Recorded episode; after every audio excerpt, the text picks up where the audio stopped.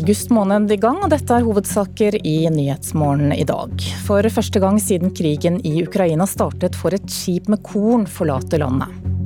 Menn som har sex med menn, bør begrense tallet på sexpartnere for å få ned tallet på nye tilfeller av apekopper. Det mener Folkehelseinstituttet.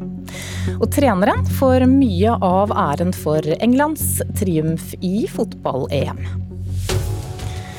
Og I løpet av den neste halvtimen skal vi også snakke om hvorvidt insekter kan føle smerte. I studio denne morgenen Anne Jetlund Hansen. For første gang på flere måneder så kan altså et skip med korn i dag forlate den ukrainske havnebyen eh, Odessa. Det skjer etter en avtale fremforhandlet av Tyrkia. Russland har blokkert alle havnene i Ukraina siden februar, og dette har ført til matmangel og prisstigning over hele verden. Ukraina er eh, som kjent en av verdens største produsenter av korn og andre matvarer. Og utenriksmedarbeider Morten Jentoft, rett før vi gikk i studio her nå, så kom det meldinger om, om at dette første skipet skipet forlater Odessa allerede om en halvtimes tid. Hva vet du om det som skjer med den ukrainske korneksporten akkurat nå? Ja, Her må vi stole på en, en, en, en melding som det tyrkiske forsvarsdepartementet har sendt ut. De er selvfølgelig eh, ivrig etter å, å, å, fortelle at eh, den avtalen som Tyrkia framforhandlet, eh, nå realiseres. Men ifølge dem så skal altså eh, skipet Razoni forlate den ukrainske havnebyen Odessa, som du sa nå, klokken halv åtte norsk tid. Det skal da gå til Libanon. Libanon er jo et av landene i Midtøsten som, som har vært eh, Der man har vært, virkelig vært redd for at det kan bli matmangel pga. stoppen i eh, eksporten både fra, eh, fra Ukraina og, og, og, og, Russland. Sånn at dette har stor betydning selvfølgelig da for, for, for, land som det. Så får vi jo se hvordan dette, dette kommer til å gå. Dette er jo en komplisert prosess der altså Tyrkia er tungt inne sammen med FN for å garantere at eh, denne transporten går trygt eh, for seg. Eh, Russland kontrollerer jo på sett og vis da Svartehavet, eller denne delen av Svartehavet, militært gjennom sin flåte. Samtidig som vi da ser at Ukraina har styrket seg gjennom langtrekkende raketter fra, fra land her. Sånn at denne avtalen er jo et resultat også av den militære situasjonen, der faktisk Ukraina da har presset de russiske styrkene et stykke vekk vekk fra den, eh, den, den, ukrainske kysten. Mm. Samtidig så kommer det nye meldinger om voldsomme angrep mot havnebyen Mykolajev, som altså ligger nordøst for Odessa. Hva vet du om det? Ja, Dette er jo ikke langt ifra eh, fra Odessa heller. og Der har det vært angrep i natt, melder ukrainske medier. I går fikk vi jo meldingen eh, om at en av Ukrainas rikeste menn, Aleksej Vadaturskij, var drept i et russisk angrep. Han ledet jo, var jo sjef for et større firma som nettopp drev da med eksport av, av korn. sånn at dette var jo en symboltungt, et symboltungt angrep da på en, en kjent person i Ukraina. Men dette ser altså ikke ut da foreløpig til å ha stoppet disse planene om denne eksporten av, av, av korn fra Ukraina.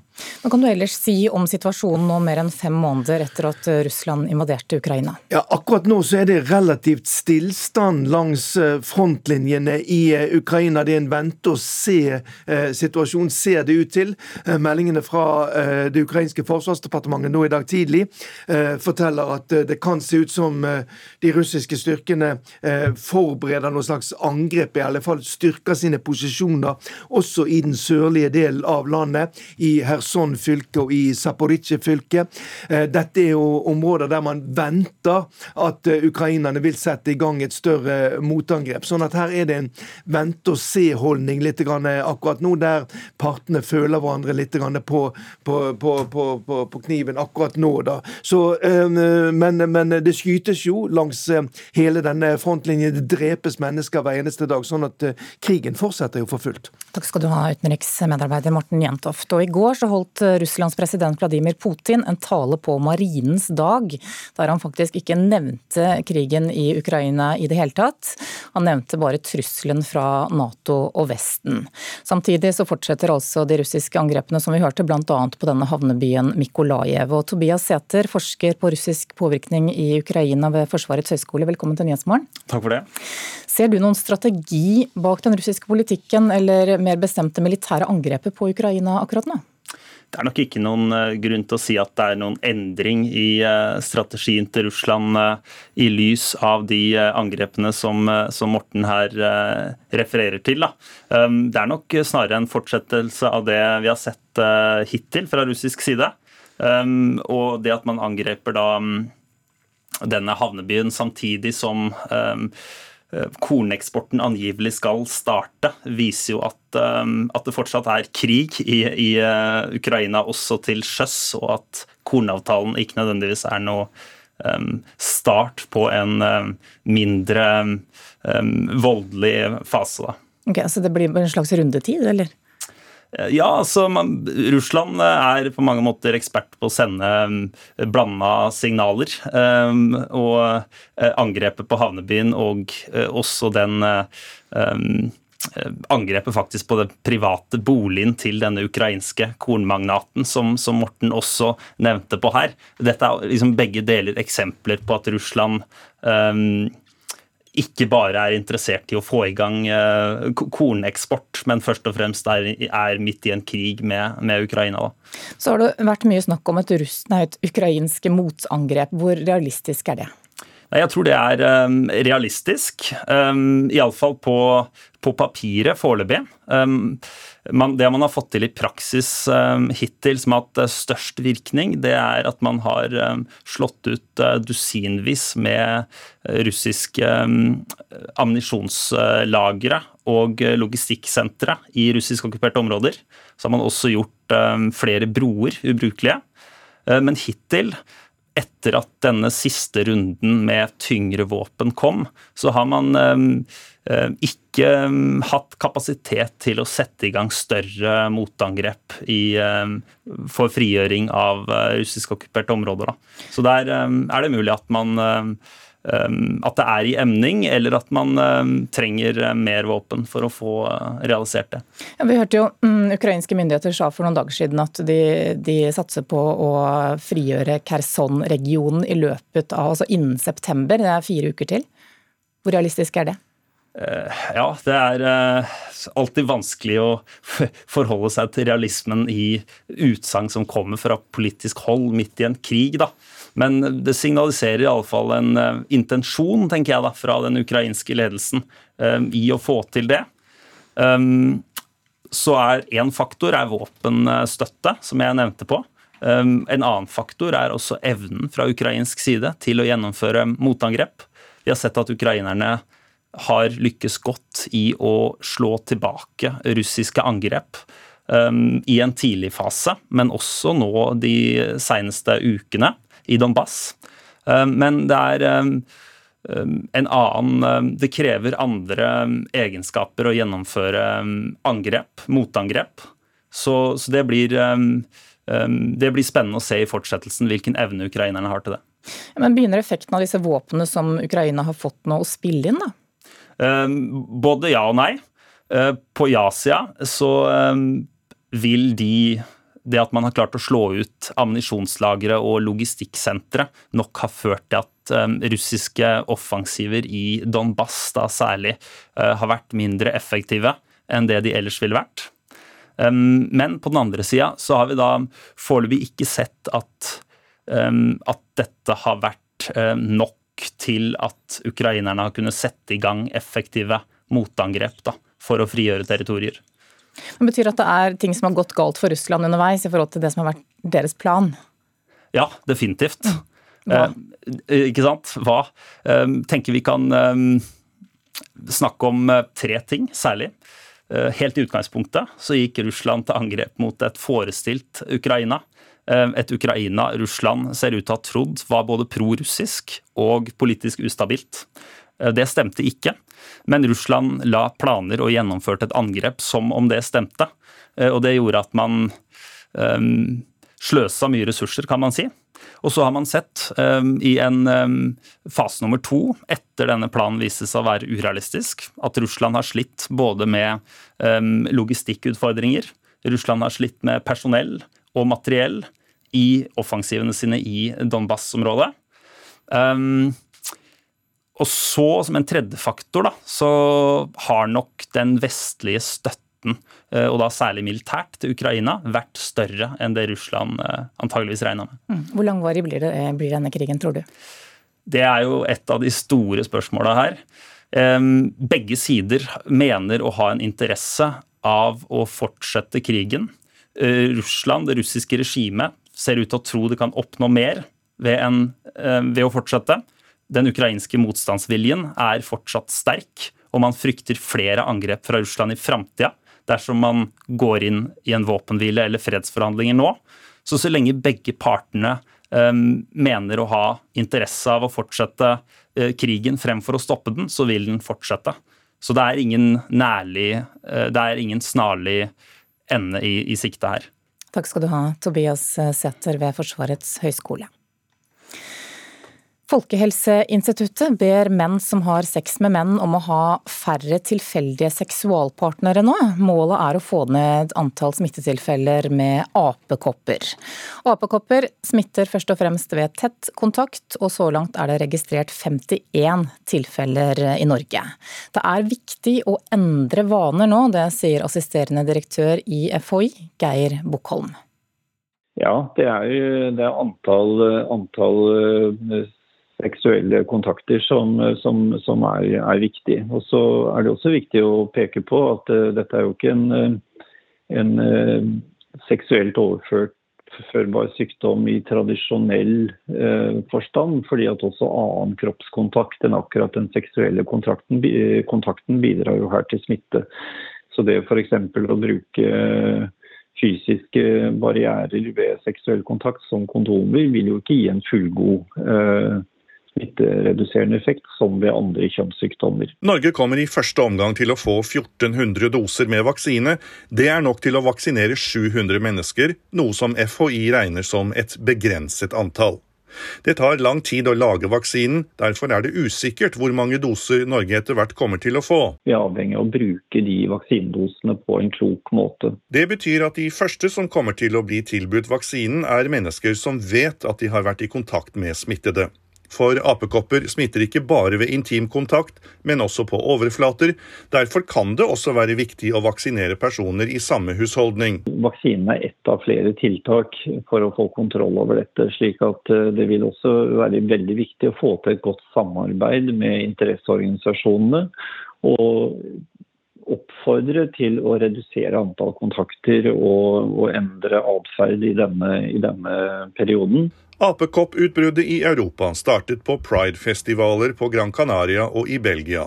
Derfra tok folk med seg smitten til sine hjemland. I helgen meldte både Spania og Brasil om de første dødsfallene relatert til apekopper. WHO har erklært apekopper som en global helsekrise. Oppblomstringen av apekopper i sommer her hjemme skyldes bl.a. besøkende utlendinger, sier Rolf Martin Angeltvedt, som er daglig leder i stiftelsen Helseutvalget. Det man har rapportert på, er at man har fått uh, turister som har vært her på besøk, uh, og som har uh, antageligvis hatt sex med norske borgere, og som har da overført viruset på den måten. Gruppen menn som har sex med menn er spesielt utsatt for smitte, forklarer Angeltvedt. For dette viruset smitter jo ved nærkontakt, og da spesielt ved seksuell nærkontakt. Så øh, menn som har sex med menn som har mange sexpartnere, er kanskje de som er mest utsatt for dette viruset. Det er viktig å få avklart om en er smittet for å begrense spredningen av viruset. I dag er det mange som starter opp i en jobb etter sommerferien, og mange har feriert utenlands. Det er ventet at smittetallet vil stige utover i august, ettersom folk kan ha blitt smittet på ferie, sier Geir Bøkholm i FHI. Mange har vært ute og reist og kommer tilbake og, eh, til Norge, slik at vi må nok være forberedt på at vi får flere tilfeller som registreres eh, etter hvert som folk kommer tilbake til, eh, til Norge. Reporter her, det var Tor Albert Frøsland.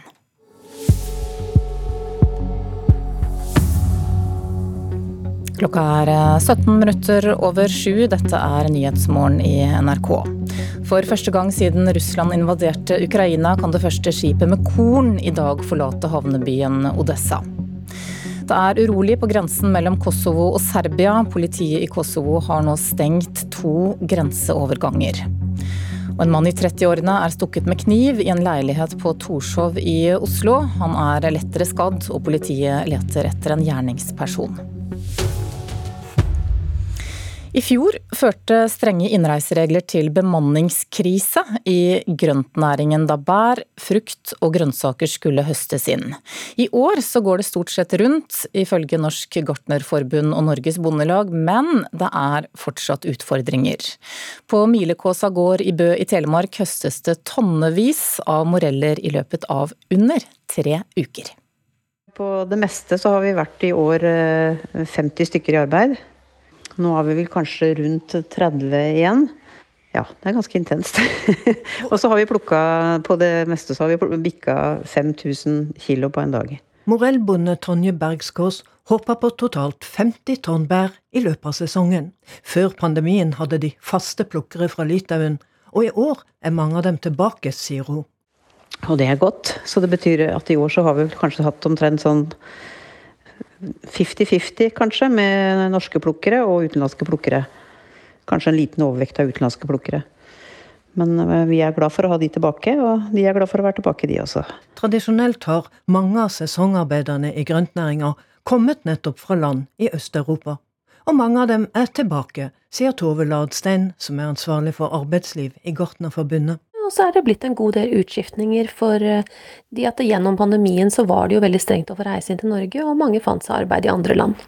Men det betyr ikke at alt er rosenrødt, ifølge Ladstein. Det kommer nye folk, men eh, fra en del nye land. Og det er klart at det, dette har jo etterlatt et veldig stort kompetansehull i en del bedrifter. Så det er klart det er veldig utfordrende, men, men vi ser jo at det har vært mulig å få tak i nokså mange ansatte for de fleste bedrifter, slik at det stort sett går rundt. Reporter her, det var Katrin Hellesnes. Så fotball. England hadde aldri før vunnet EM i fotball, verken på herre- eller kvinnesiden, men i går så vant altså laget 2-1 over Tyskland i finalen. Og det satte følelsene i sving hos mange, blant dem Englands kaptein Lea Williamson. Did everyone see that?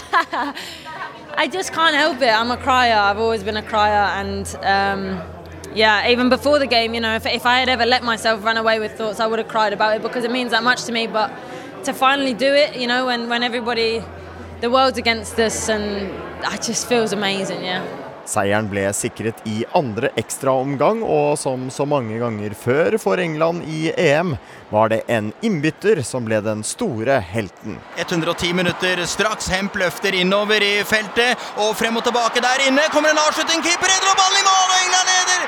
England leder! Det er Kelly som gjør det! Hun kaster skjorta og løper nedover mot sidelinjen! Kelly kan få statue og egen vei opptatt etter seg! Yeah, it's one moment, one moment. You wait for these moments, and when I came on the pitch, I just kept looking at the keeper like I'm going to score against you. That's how I, that's how I feel inside. You have that belief in, in you, and yeah, we, we believed in ourselves today. What a wonderful group of girls we have. I'm so proud of this group. Trener Serina Wigman ble den første til å vinne et EM med to forskjellige nasjoner. Wigman har briljert taktisk og benyttet seg av bredden i troppen. Hun får skryt av målskårer Kelly og NRKs ekspert. Wow, what a woman, what a coach. I came into this group really late and I, I realized so quickly how much an amazing coach she is. Amazing background staff behind her as well and yeah, I'm very grateful for her for giving me the opportunity. Og det tror jeg er så viktig å vise at det er hver enkelt spiller i denne troppen er like mye verdt. Og det ser du at de spruter av selvtillit når de kommer inn. Og den gruppedynamikken der, det er ikke bare at de har gode å spille i troppen. Hun får dem til å yte sitt beste. Og det syns jeg er skikkelig gøy å se. Ja, det sa til slutt NRKs fotballekspert Melissa Wiik Kovacs. Reporter her, det var Jonas August Bernstein. Trond Johannessen, internasjonal fotballkommentator i VG, god morgen. God morgen. Det ble jo en veldig spennende EM-finale. Hvordan vil du oppsummere kampen?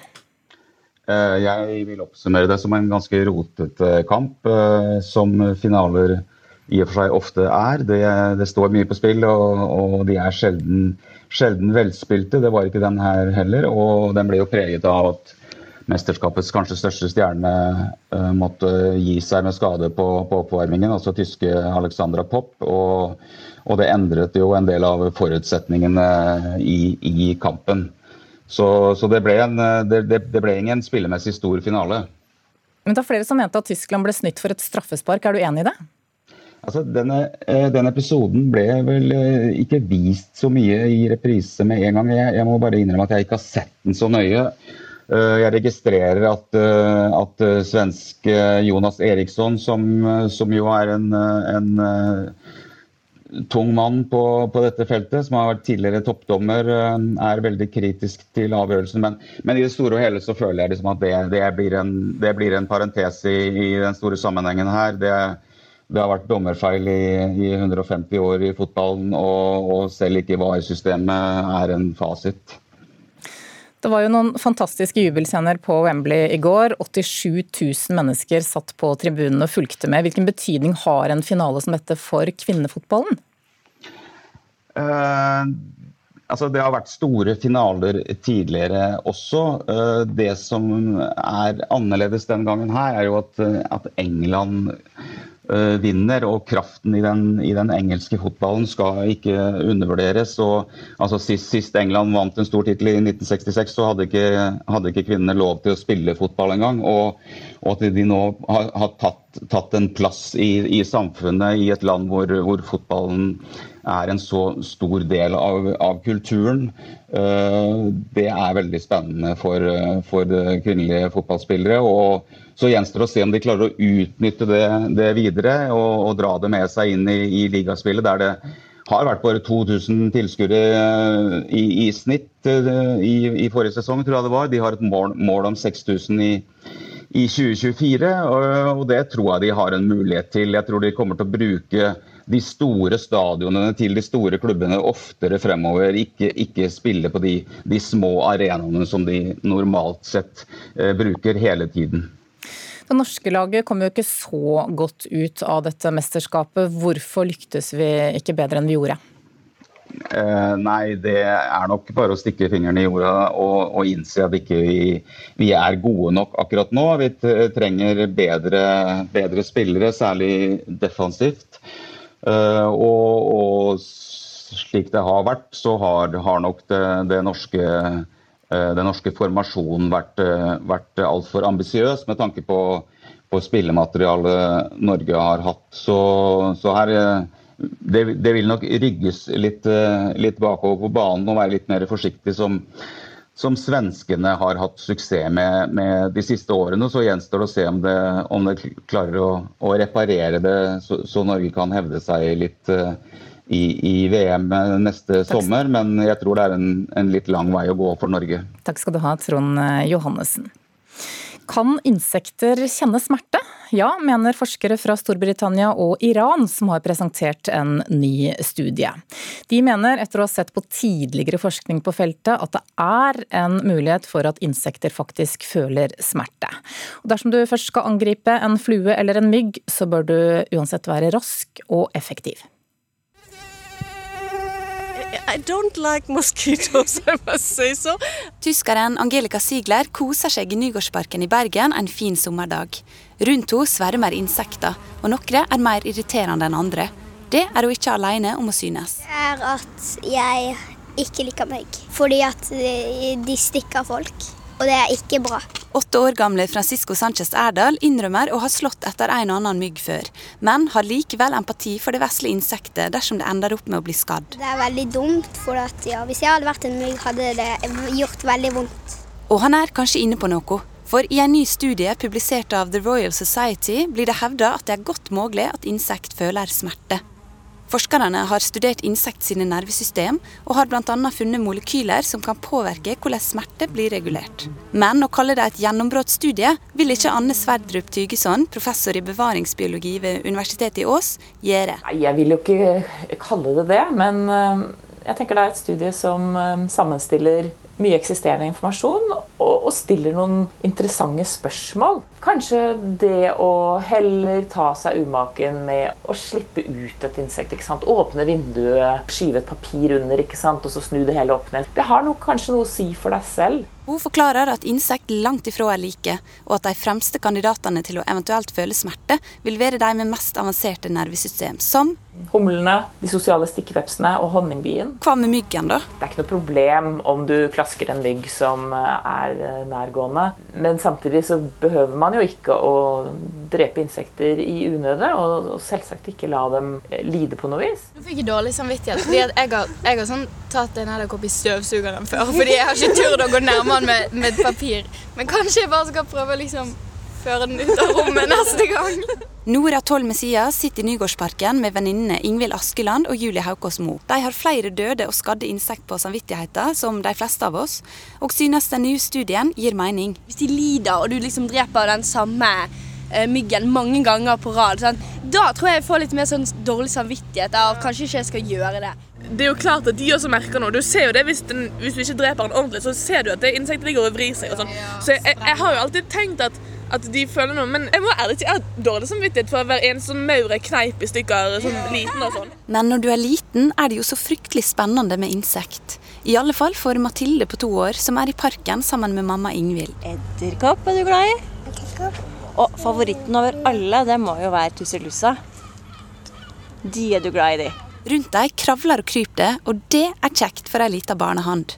Kanskje mindre kjekt for insekter. Får, eh, de får ofte gjennomgå hvis vi får tak i dem. Jeg har jo sett henne brekke ryggen på tusselussa, og jeg kjenner at jeg får litt sånn eh, dårlig følelse inni meg. Når du er to år er du likevel unnskyldt, men eh, kanskje burde vi andre tenke litt mer på hvordan vi behandler insekter rundt oss, slik som pensjonist eh, Marit Valbø gjør. Jeg syns alle insekter er fine. Jeg altså ta vare på dem og verne om dem så de får formere seg, for de har så godt for blomster og planter og alt. Og til slutt så hørte vi pensjonist Marit Valbø. Reporter her, det var Oda Flaten Lødemel. Det er straks klart for Dagsnytt her i Nyhetsmorgen.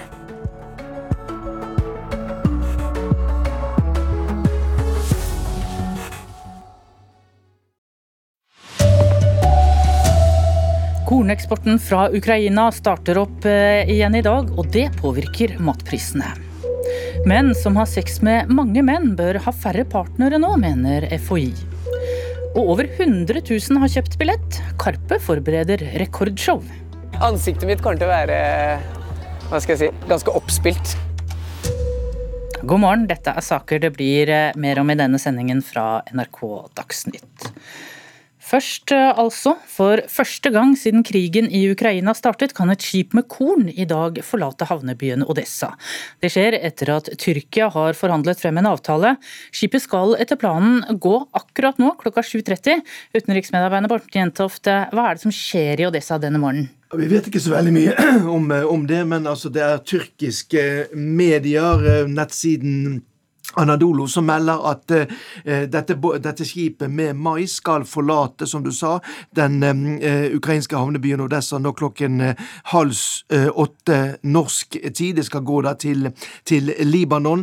Men jeg har ikke sett noen bekreftelse fra ukrainske kilder om at skipet virkelig avgår, så vi får bare følge med på dette. Men tyrkiske medier melder at dette skjer da i tråd med denne avtalen som ble forhandlet fram i, i i, for, for, noen uker siden eh, mellom Tyrkia, Russland og eh, Ukraina. Eh, og, og, som du sa, dette er jo noe som følges med, fra hele verden, fordi at det påvirker matvareprisene. Ja, Hvilken betydning kan det få hvis denne eksporten nå kommer skikkelig i gang igjen? Ja, Det fikk jo betydning allerede da denne avtalen ble kjent. Da eh, sank matvareprisene, eller prisene på korn, noe. Så hvis dette lykkes, at man får i gang igjen denne eksporten av korn, Eh, fra, eh, fra Ukraina, ja, så kan det påvirke matvareprisene en del i hele verden. Takk, eh, Morten Jentoft. Vi følger med på om dette skipet virkelig kommer av gårde. FHI ber nå grupper av menn som har mange mannlige sexpartnere om å begrense tallet. Målet er å få ned antall smittetilfeller av apekopper. Apekopper smitter først og fremst ved tett kontakt, og hittil er det registrert 51 tilfeller i Norge. Det er viktig å endre vaner nå, sier assisterende direktør i FHI Geir Bukholm. Ja, det er jo det antall eh, seksuelle kontakter som, som er, er, viktig. Norge kommer i første omgang til å få 1400 doser med vaksine. Det er nok til å vaksinere 700 mennesker, noe som FHI regner som et begrenset antall. Vi er avhengig av å bruke de vaksinedosene på en klok måte. Det betyr at de første som kommer til å bli tilbudt vaksinen, er mennesker som vet at de har vært i kontakt med smittede. For apekopper smitter ikke bare ved intim kontakt, men også på overflater. Derfor kan det også være viktig å vaksinere personer i samme husholdning. Vaksinen er ett av flere tiltak for å få kontroll over dette. Oppblomstringen av apekopper i sommer her hjemme skyldes bl.a. besøkende utlendinger, sier Rolf Martin Angeltvedt, som er daglig leder i stiftelsen Helseutvalget. Turister som har vært her på besøk, eh, og som har eh, antageligvis hatt sex med norske borgere, og som har da overført viruset på den måten. Det er ventet at smittetallet vil stige utover i august, sier Geir Bukkholm i FHI. Mange har vært ute og reist og kommer tilbake og eh, til Norge, slik at vi må nok være forberedt på at vi får flere tilfeller som registreres eh, etter hvert som folk kommer tilbake. Reporter her var Tor Albert Frøsland. Bruk av skjerm i bil fører til mange ulykker og farlige situasjoner. I en ny undersøkelse er 3500 bilister spurt, og én av tre har opplevd en farlig eller ubehagelig situasjon pga. skjermbruk. Undersøkelsen er laget på oppdrag fra Trafikksikkerhetsforeningen og Gjensidige. Vi er ofte ute på veier med stor hastighet, og da er det svært lite med uoppmerksomhet som skal til. Det sier Geir Tangstad Holdal, daglig leder i Trafikksikkerhetsforeninga. Flere menyer og valg gjør at en av og til må trykke på skjermen når en kjører. Det kan potensielt bli livsfarlig. Et par sekunder er nok til at, at vi får alvorlige ulykker. Trygg Trafikk har kommet med et forslag om et forbud mot all trykking som ikke skjer via rattet, noe som Gjensidige stiller seg bak. Ingunn Handegard i NAF tror det vil bli vanskelig å forby trykking på skjerm. Et særnorsk forbud vil være vanskelig å håndheve, og også kunne gjøre mange bilister til ufrivillige lovbrytere. Og Vi håper også at utvikling innenfor stemmestyring vil gjøre det at du må trykke på disse skjermene overflødig over tid. Reportere i denne saken var Ole Kristian Svalheim og Håvard Nyhus. I år er det lettere for frukt- og grønnsaksbøndene her i landet å få hjelp til innhøstingen. I fjor førte strenge innreiseregler til bemanningskrise. På Milekåsa gård i Bø høstes det tonnevis av moreller i løpet av tre travle uker nå. På det meste så har vi vært i år 50 stykker i arbeid. Det er ganske intenst. og så har vi plukka på det meste så har vi bikka 5000 kilo på en dag. Morellbonde Tonje Bergskås håper på totalt 50 tonn bær i løpet av sesongen. Før pandemien hadde de faste plukkere fra Litauen, og i år er mange av dem tilbake, sier hun. Og det er godt, så det betyr at i år så har vi kanskje hatt omtrent sånn 50-50, kanskje, med norske plukkere og utenlandske plukkere. Men eh, vi er glad for å ha de tilbake, og de er glad for å være tilbake, de også. Tradisjonelt har mange av sesongarbeiderne i grøntnæringa kommet nettopp fra land i Øst-Europa, sier Tove Ladstein, som er ansvarlig for arbeidsliv i Gartnerforbundet. Og så er det blitt en god del utskiftninger, for eh, de at gjennom pandemien så var det jo veldig strengt å få reise inn til Norge, og mange fant seg arbeid i andre land. Dette, dette har jo etterlatt et veldig stort kompetansehull i en del bedrifter. Så det er klart det er veldig utfordrende, men, men vi ser jo at det har vært mulig å få tak i nokså mange ansatte for de fleste bedrifter, slik at det stort sett går rundt. Reporter i dette innslaget var Katrin Hellesnes. Treneren får mye av æren for Englands triumf i fotball-EM i går. Landet har aldri vunnet EM før, verken for kvinner eller menn. Ekstraomganger måtte til for å senke Tyskland med 2-1, og det var stort for kaptein Lea Williamson. Did everyone see that?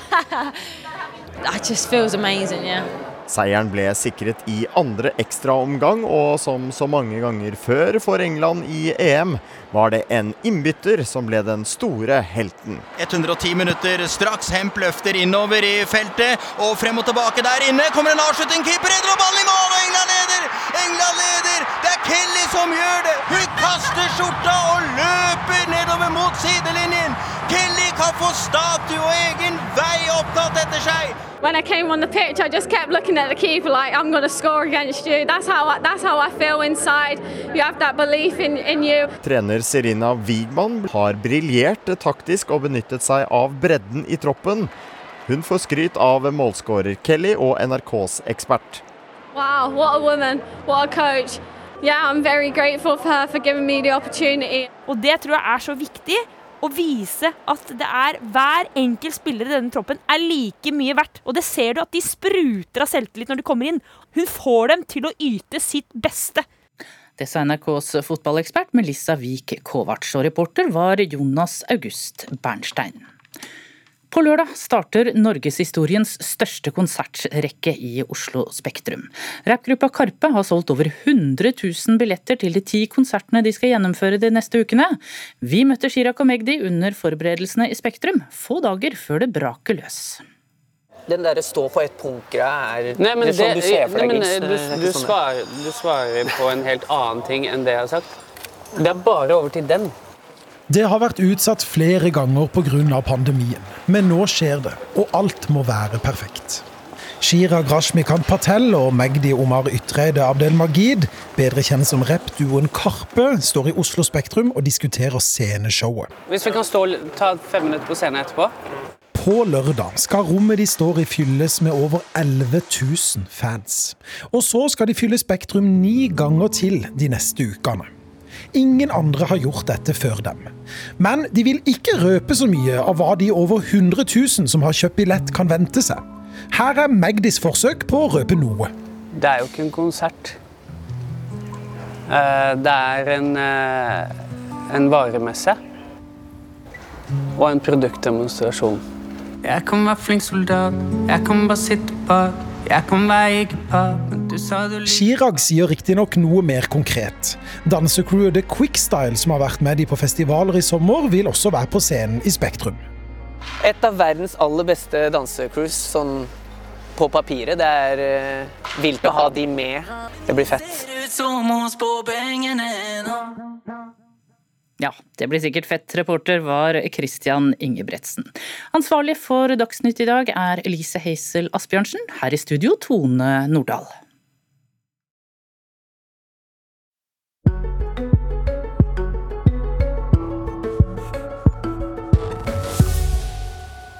Klokka er 7.40 nå. Du lytter eller ser på Nyhetsmorgen i NRK.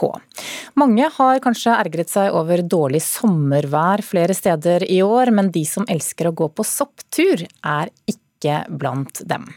For takket være alt regnet så kan 2022 bli det beste soppåret på lenge. Her er det masse sopp. Oi, veldig mye forskjellig her. En gulrød kremle. Så denne her går i panna. Jim André Stene er på sopptur i skogen på Ringvoll utafor Trondheim. Som villbonde i Trondheim sankeri og soppsakkyndig, kan nok Jim André mer om sopp enn de aller fleste. Her er det kanskje mange som har sett før. Det er jo sånn som man, Kanskje når man var mindre, så får man trampa på denne her. Og så ble det sånn røykskyer ut. Så er det da en røyksopp. Vi har utrolig mange røyksopper i Norge, mange forskjellige arter. Og det som er trikset som har funnet en røyksopp, deler man den i to, og er den hvit inni, så kan den spises. Er den svart og tung som en potet, så er den giftig. Så den er kjempefin. Oi, oi. Flere bortpå her òg. Å gå i skogen på jakt etter sopp er noe av det beste Jim André vet. Derfor har han, mens andre har fortvilt over en regntung sommer, heller fryda seg. Soppåret er jo helt avhengig av eh, klima. Eh, soppen vil først og fremst ha nedbør. Den vil ha litt eh, varme. Eh, ikke for mye vind. Og da har den et kjempeår. Og for oss som er veldig glad i sopp, så er jo det en lykke når nedbøren bare renner gjennom i juli. Det er jo kjempebra. Så erfaringa mi er at det har kommet veldig mye sopp i skogen veldig tidlig. Vi er i slutten av juli nå. Og normalt sett så er det en 14 dager, kanskje tre uker fram i tid for at jeg bruker å få ut og plukke såpass mye som, eh, som jeg gjør nå. Så august i 2022, det tror jeg blir et av de beste soppårene vi har hatt på lenge, altså. Det har Jim André helt rett i, ifølge Norges sopp- og nyttevekstforbund, som sier at det endelig vil bugne av sopp i så å si hele landet etter noen svært dårlige år. Med stadig økende interesse for soppplukking kan man derfor i tida framover vente å finne mange entusiaster som tråler skogen etter deilige matsopper. Her ser vi da den kampfluesoppen. Ser han jeg trenger 15 minutter varmebehandling, da er det en kjempegod matsopp. Så, men ikke noen nybegynnersopp, så her må man bli med på tur, lære det av noen som har eh, plukka dem litt før, være med på et kurs, eller sjekke med, med soppkontroll. Ja, for det kan være lett å forveksle ufarlige sopper med giftige, påpeker Jim André. Derfor er det viktig å lære seg soppene og hvordan man skal identifisere dem. Når vi skal begynne å identifisere sopp, så får jeg ofte veldig mange bilder på Messenger og, og, og, melding og sånne ting, med et bilde ovenfra, og så spør de hvilken sopp det er. Og Da bruker jeg å sende tilbake at det er som å ta bilde av hodet av en person ovenfra, og spørre hvem det er for noen. For den meste informasjonen på soppen det ligger under soppen. Så når jeg snur under her, så ser jeg at det er en rødsopp. Det har et rødlag. Har jeg snudd den her, eksempel, så ser vi at den har skiver. Eh, og noen har porer, eh, noen har ingenting. Så det er første måten vi identifiserer grupper på sopp. Og Da er det så fint, da, for alle rødsoppene det finnes det ingen giftige. Skivesoppene, der har vi flere giftige. Så det kan vi tenke at det er litt sånn lærer man som nummer to. Lære rødsopper før vi begynner der skivesopper, f.eks. Reporter her var Hanne Bernhardsen Nordvåg og Per Ingvar Rognes.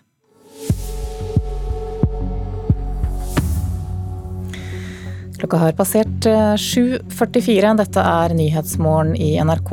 Hovedsakene våre i dag er at korneksporten fra Ukraina starter opp igjen i dag. Ifølge tyrkiske myndigheter forlater det første skipet den ukrainske havnebyen Odessa nå på morgenen. Menn som har sex med mange menn bør ha færre partnere nå, det mener Folkehelseinstituttet. Hensikten er å avverge flere tilfeller av apekopper. Og det er urolig på grensen mellom Kosovo og Serbia. Politiet i Kosovo har stengt to grenseoverganger. Politisk kvarter har tatt sommerferie, men i sommerkvarteret får du møte kjente og ukjente stemmer. I dag har reporter Peter Svaar snakket med helsedirektør Bjørn Gullvåg.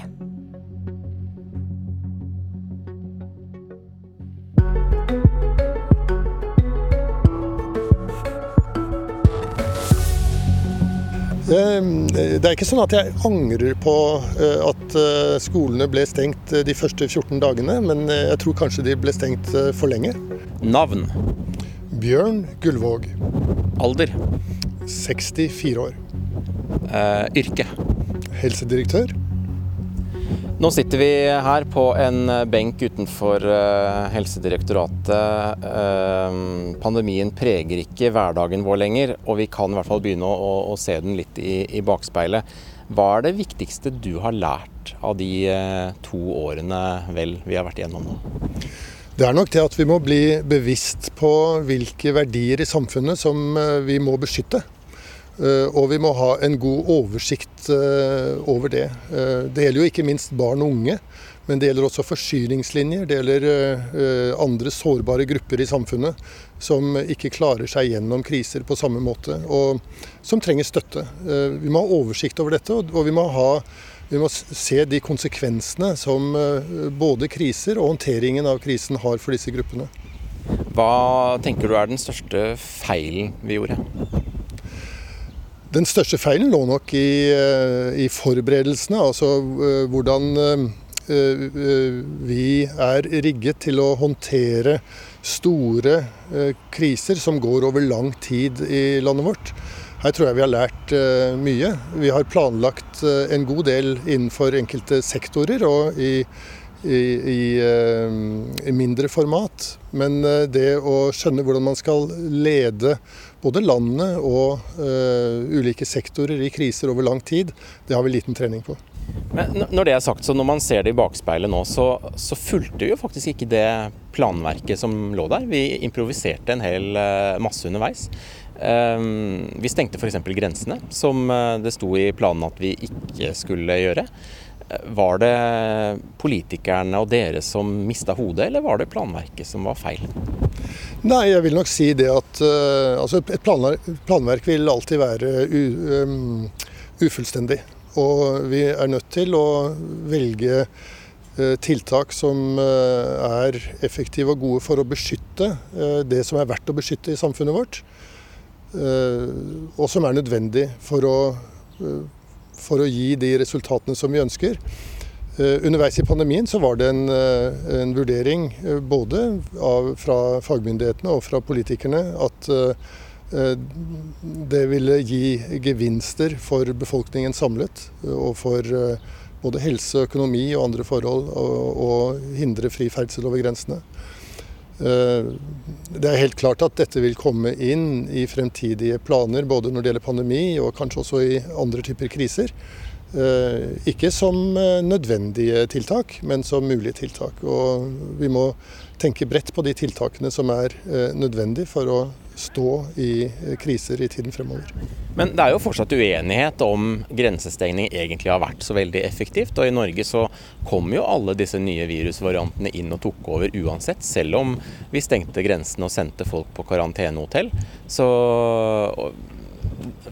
det er jo ingen fasit eh, enda på om dette var et godt tiltak eller ikke, er det det da? Nei, det er ikke en fasit eh, på det. Og, og, fremdeles så trenger vi mer data. Vi trenger evalueringer for å se på effekten av dette. Men jeg tror likevel det er et poeng at eh, vi må være forberedt på eh, å kunne iverksette ulike typer tiltak, gitt at vi får alvorlige kriser også i tiden fremover. Ja, fordi Det som skjedde her i pandemien, var jo at eh, eh Kina stengte ikke sine grenser. Eh, og så begynte en del asiatiske og etter hvert europeiske land å stenge grensene sine til store protester fra Verdens helseorganisasjon, og kineserne var også rasende. Eh, og så gikk det en liten stund, og så var det Kina som stengte grensene sine. Så, um, og alle land har jo egentlig da brutt med de retningslinjene som man var enige om på forhånd, og som WHO Eh, stilte seg bak i starten av pandemiutbruddet. Ja, og jeg tror noe av problemet her har vært at uh, heller ikke Verdens helseorganisasjon har sett godt nok de mulige pandemiene som vi kunne stå overfor. For mye av deres logikk har vært bygget opp rundt influensapandemier. Og hvor man er blitt enige om noen spilleregler som ikke holdt stikk i denne situasjonen. Det viste seg at landene ønsket å bruke andre virkemidler enn det vi hadde planlagt for, og som sannsynligvis også var nødvendig for å nå det som var eh, det ønskede målet. Da. Og 12.3.2020 så var det jo eh, deg som stengte Norge ned formelt. Du hadde selvfølgelig snakket med regjeringen og, og, og hadde fått ryggdekning, men, men, eh, den formelle beslutningen var, var din. Er det riktig at en byråkrat skal ha så mye makt? Her har jo kommisjonen, altså koronakommisjonen uttalt uh, seg, og de har undersøkt dette grundig. og uh, De sier at det ikke er riktig, og det er noe jeg naturligvis bare forholder meg til. Jeg gjorde det jeg visste var forventet av meg i situasjonen. Og det var jo avklart med, med både regjering og de juristene jeg fikk råd fra. Eh, vi oppfattet at eh, rollene var fordelt på den måten i situasjonen, og det kunne jeg ikke frasi meg ansvaret for. Men eh, jeg er jo helt enig i at dette bør det ryddes opp i, slik at man er trygg på at de beslutningene som fattes i fremtidige kriser, fattes på riktig nivå. Det har jo kommet en del kritikk av smittevernloven underveis i disse to årene. Det ene er jo det du nevner nå, altså at det ikke var en politisk beslutning på papiret å stenge ned landet, frisørsalongene, neglesalongene og mange andre. Eh, men eh, et annet problem mange har pekt på, er jo også at det ikke er en, en samordning mellom lokalt og nasjonalt nivå alltid. F.eks. kommuner i Nord-Norge som innførte søringkarantene på egen hånd. Krangelen mellom nasjonale myndigheter og Raymond Johansen her i Oslo om smitteverntiltak. Hva, må, hva, bør eh, gjøres med det, tenker du? Det er naturlig å, å se på både smittevernloven og helseberedskapsloven, som jo også har blitt brukt under pandemien. Og se hvordan har den fungert, hva har fungert bra og hva uh, har ikke fungert så bra. Jeg er ikke på dette tidspunktet i stand til å si hvordan det bør justeres. Og så tror jeg at noe av det som faktisk også har vært bra i Norge, det, det har vært at vi har vi har hatt mange aktører som har hatt stemmer, og som har påvirket beslutninger. Det har vært både lokalt, det har vært sentralt, det har vært uh, forskjellige stemmer uh, i, uh, i, forvaltningen, altså Folkehelseinstituttet og oss. Og det har vært brukerorganisasjoner, det har vært andre, interessent, andre interessenter som har vært med å danne den beslutningsbasen vi har hatt. Men det er naturligvis ikke noe argument mot at man forsøker å rydde eh, rollene i eh, helseberedskapsloven og i smittevernloven hvis det er behov for å gjøre justeringer. Men et tredje område hvor eh, det jo også er, har vært stemmer som ønsker tydeligere rollefordelinger og at loven også må ryddes i, det er jo rollene mellom dere og Folkehelseinstituttet. Og det hadde jo ikke gått mange dager i februar-mars 2020, før den første uenigheten mellom dere kom, og det var eh, om man kunne håndhilse eller eh, ikke. Eh, og så har det jo vært flere runder. Det var ganske uenige om barns rolle i smittespredningen. Dere har vært uenige i en del enkeltråd. og, og Eh, det har ikke alltid vært helt lett å, å, skjønne for den vanlige mann hva som gjelder, når det har kommet litt eh, doble beskjeder. Um, dere har jo egentlig vært uenige om disse rollene i ganske mange år, og så kom det en pandemi. Hva, hvordan tenker du at dette kan ryddes opp i? Nei, vi må jo gå gjennom og se på mulighetene for å uh, presisere en del ting da mellom oss og FHI. Men samtidig så sitter nok jeg med det bildet at det at vi har uh, sett på disse tingene med litt ulikt blikk, også har vært en styrke i pandemiarbeidet. Vi har jo sagt at det har vært usikkerhet rundt det, så jeg tror verken FHI eller vi har liksom påstått at vi, at vi målbærer den fulle sannheten. Og, eh, og, Det gjør også at folk har forholdt seg til dette med et realistisk blikk, tenker jeg. Eh, de har hørt eh, noe som er kanskje litt ulikt. Det jo, kan være irriterende, men samtidig så kan det også bygge tillit, faktisk. Så jeg, jeg tror vi skal, vi skal, naturligvis lete etter en best mulig måte å samarbeide. Og noen ganger er det viktig å ha et, ett budskap fra staten. Men hvis det faktisk er slik at det eksisterer ulike vurderinger og syn, så er det kanskje også slik at vi skal dele det en del ganger med befolkningen. Hva ville du gjort annerledes eh, hvis vi fikk en ny pandemi med et eh, nytt virus nå, med ganske like egenskaper som det vi, vi så i, i, 2020? Altså jeg er litt usikker på om, om uh, det er naturlig å stille spørsmål hva jeg personlig ville gjort annerledes. Men jeg håper jo at uh, vi har en annen mekanisme på plass for å kunne uh, sikre at de viktigste verdiene våre blir ivaretatt. Og En av de tingene som jeg tror vi bør ha umiddelbart jobbe med å ha bedre systemer for, er å, å ivareta barn og unge gjennom kriser. Det har jo vært veldig mye diskutert, og jeg tror det er helt reelt at, uh, at litt uavhengig av hvilken krise vi går inn i, så kan barn og unge bli utsatt. Og vi må sikre at vi ivaretar dem også gjennom kriser. Angrer du på at du stengte skolene? Det er ikke sånn at jeg angrer på eh, at eh, skolene ble stengt eh, de første 14 dagene, men jeg tror kanskje de ble stengt for lenge. Og så tror jeg at vi burde hatt bedre planer for hva som skulle gjøres i skolen og med de barna som, som trenger den daglige eller kontinuerlige oppfølgingen at, at, vi skulle hatt bedre helhetlige planer for det. altså I et samarbeid da naturligvis mellom helse- og utdanningssektor og andre, slik at vi, eh, vi er trygge på at vi kan ivareta barnas interesser på en best mulig måte i pandemien. Men slå ned, tenker du det er en, fortsatt en god strategi? Ikke for alle pandemier, men uh, gitt at uh, vi trenger uh, tid på å områ oss Eh, så kan det være riktig. Og Det har naturligvis både med smittsomheten til eh, viruset å gjøre, altså at det faktisk er mulig å slå ned. Det var jo det i Norge. Vi klarte å vinne mye tid eh, før vi fikk eh, større smitteoppblomstring. Og vi klarte jo faktisk da å holde smitten nede ganske lenge. Eh, faktisk liksom helt til omikron kom, og hvor vi bevisst eh, slapp opp. Eh, så det, det, lot seg gjøre. og I den mellomperioden så hadde vi håp om at vi både ville få effektive medisiner, som vi da ikke fikk, eh, og at vi ville få effektive vaksiner, som vi fikk. Og Det var jo vaksinene som da gjorde at vi kunne komme ut av pandemien uten veldig store konsekvenser på dødelighet i befolkningen. Når du ser tilbake på de årene nå, 2020 og 2021, er det én ting som du tenker at Eller var det noe som hva var det som overrasket deg mest? Eh, det som overrasket meg mest gledelig, var jo at eh, vi eh, samlet i befolkningen klarte å bli Å samle oss om en måte å håndtere dette på som gjorde at vi lyktes med det som var formålet, nemlig å holde viruset tilbake inntil vi fikk vaksiner på plass som kunne tas ut av eh, pandemien.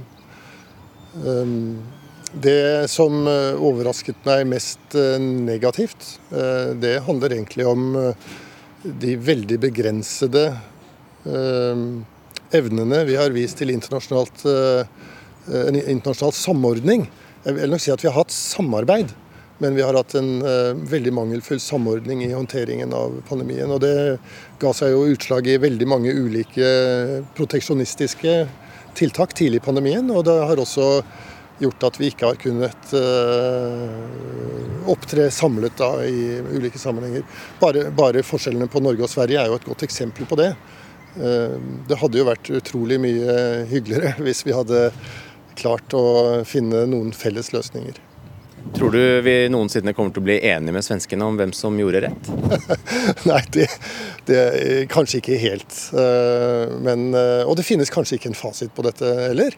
Så det, det jo, handler jo litt om hvilke verdier et samfunn har. Eh, I Norge så tror jeg vi, har, vi legger veldig stor vekt på å ivareta folks helse og hindre unødvendig død i ulike sammenhenger.